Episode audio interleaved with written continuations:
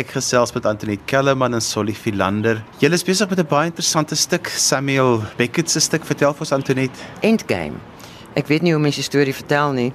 Ehm um, dit gaan sekerlik maar net oor die dood, oor die einde van alles, 'n wêreld wat vernietig is, jy weet so post-apokaliptiese wêreld en hierdie vier mense is binne hierdie sin ek lighuis eers waar daar nie meer 'n wêreld buite is wat bestaan nie. Die natuur is weg en die een persoon is blind en verlam en dit is hierdie hele ding tussen baas en knegg en die knegg is ook nie meer wat hy was nie ooit was dalk nie.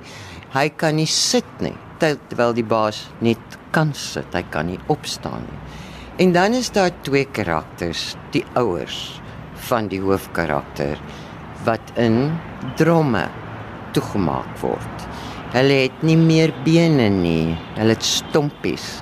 Hulle kan nie beweeg uit die dromme uit nie en hulle sit daar en gaan almal dood Moet ek die storie weggee? Solly die stuk speel baie met die sikliese aard van die lewe dat dan nie beginne en einde eintlik is nie. Dit is half so. Dit is ek dink vir my persoonlik as ek uh, gaan dit eintlik oor betekenis. As mense my vra, "What's the what's end game about?" en sê dis waaroor dit is. Dit is oor wat is die betekenis van goed? Wat beteken dit alles? Hoekom dit vir my so kontemporêr voel, moet ek jou sê, dit gaan oor mense en hulle verhoudings. Wat wat daai goed beteken? Wat beteken dit in jou lewe? Wat beteken dit dat jy jou hele lewe lank het jy hierdie persoon met jy verlief is en nou is jy hier aan die einde en daar's nou niks meer. Jy's nou net julle.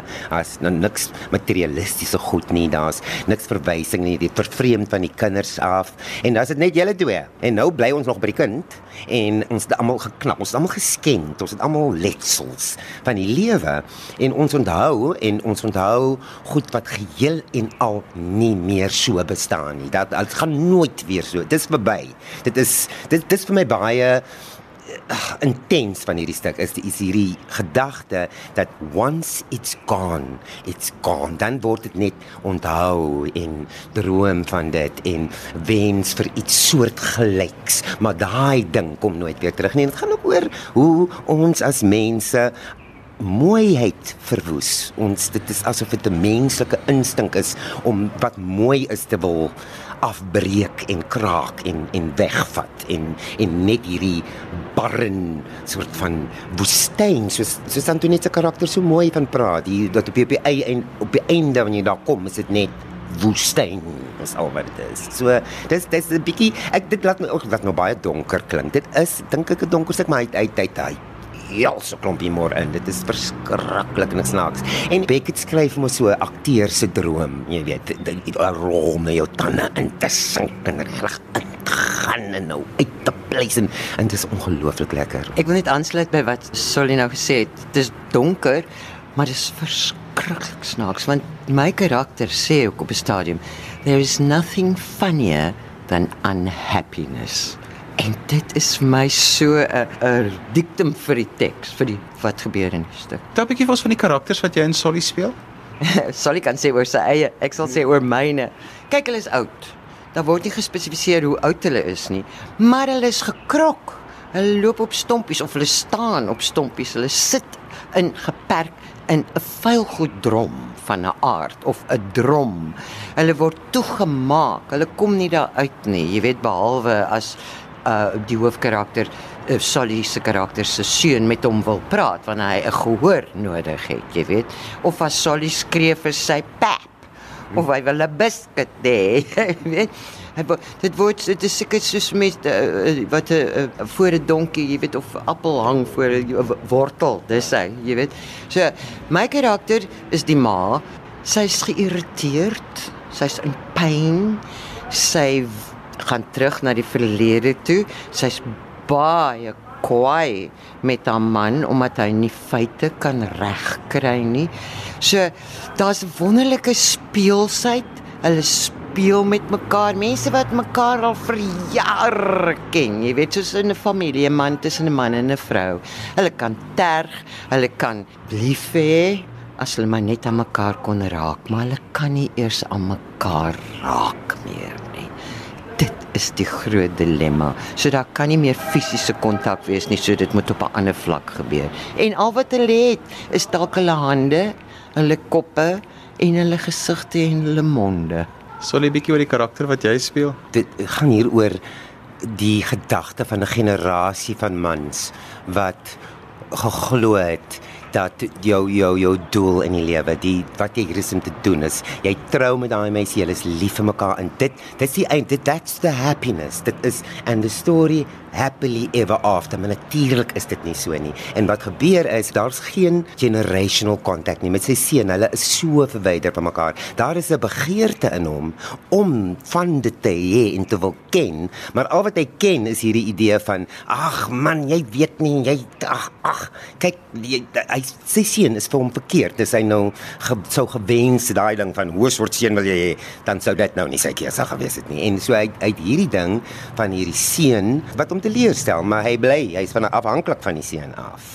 En dan hierdie vrou wat werklik in in die toneel tussen ons twee, tussen Nag en Nell, is dit basies wat hierdie betekenis van sy lewe verlaat hom voor sy oë. Hy hy sy sy onttrek haar van hom af in sy aangesig en die desperasie in hom oor dit want sonder haar het sy lewe geen betekenis nie. Daar is hy het niks anders gebou nie, net rondom hierdie idee van hulle twee. So hy is desperaat, daar's 'n diep diepe donker desperasie en 'n en 'n hartseer en alles, maar nie oor die keuse wat hy gemaak het nie, maar die feit dat die keuse nie uitgewerk het nie. En so die liefde vir haar is nog heeltemal daar, maar die liefde is ook 'n liefde van sien my as jy my nie sien nie dan is ek dood.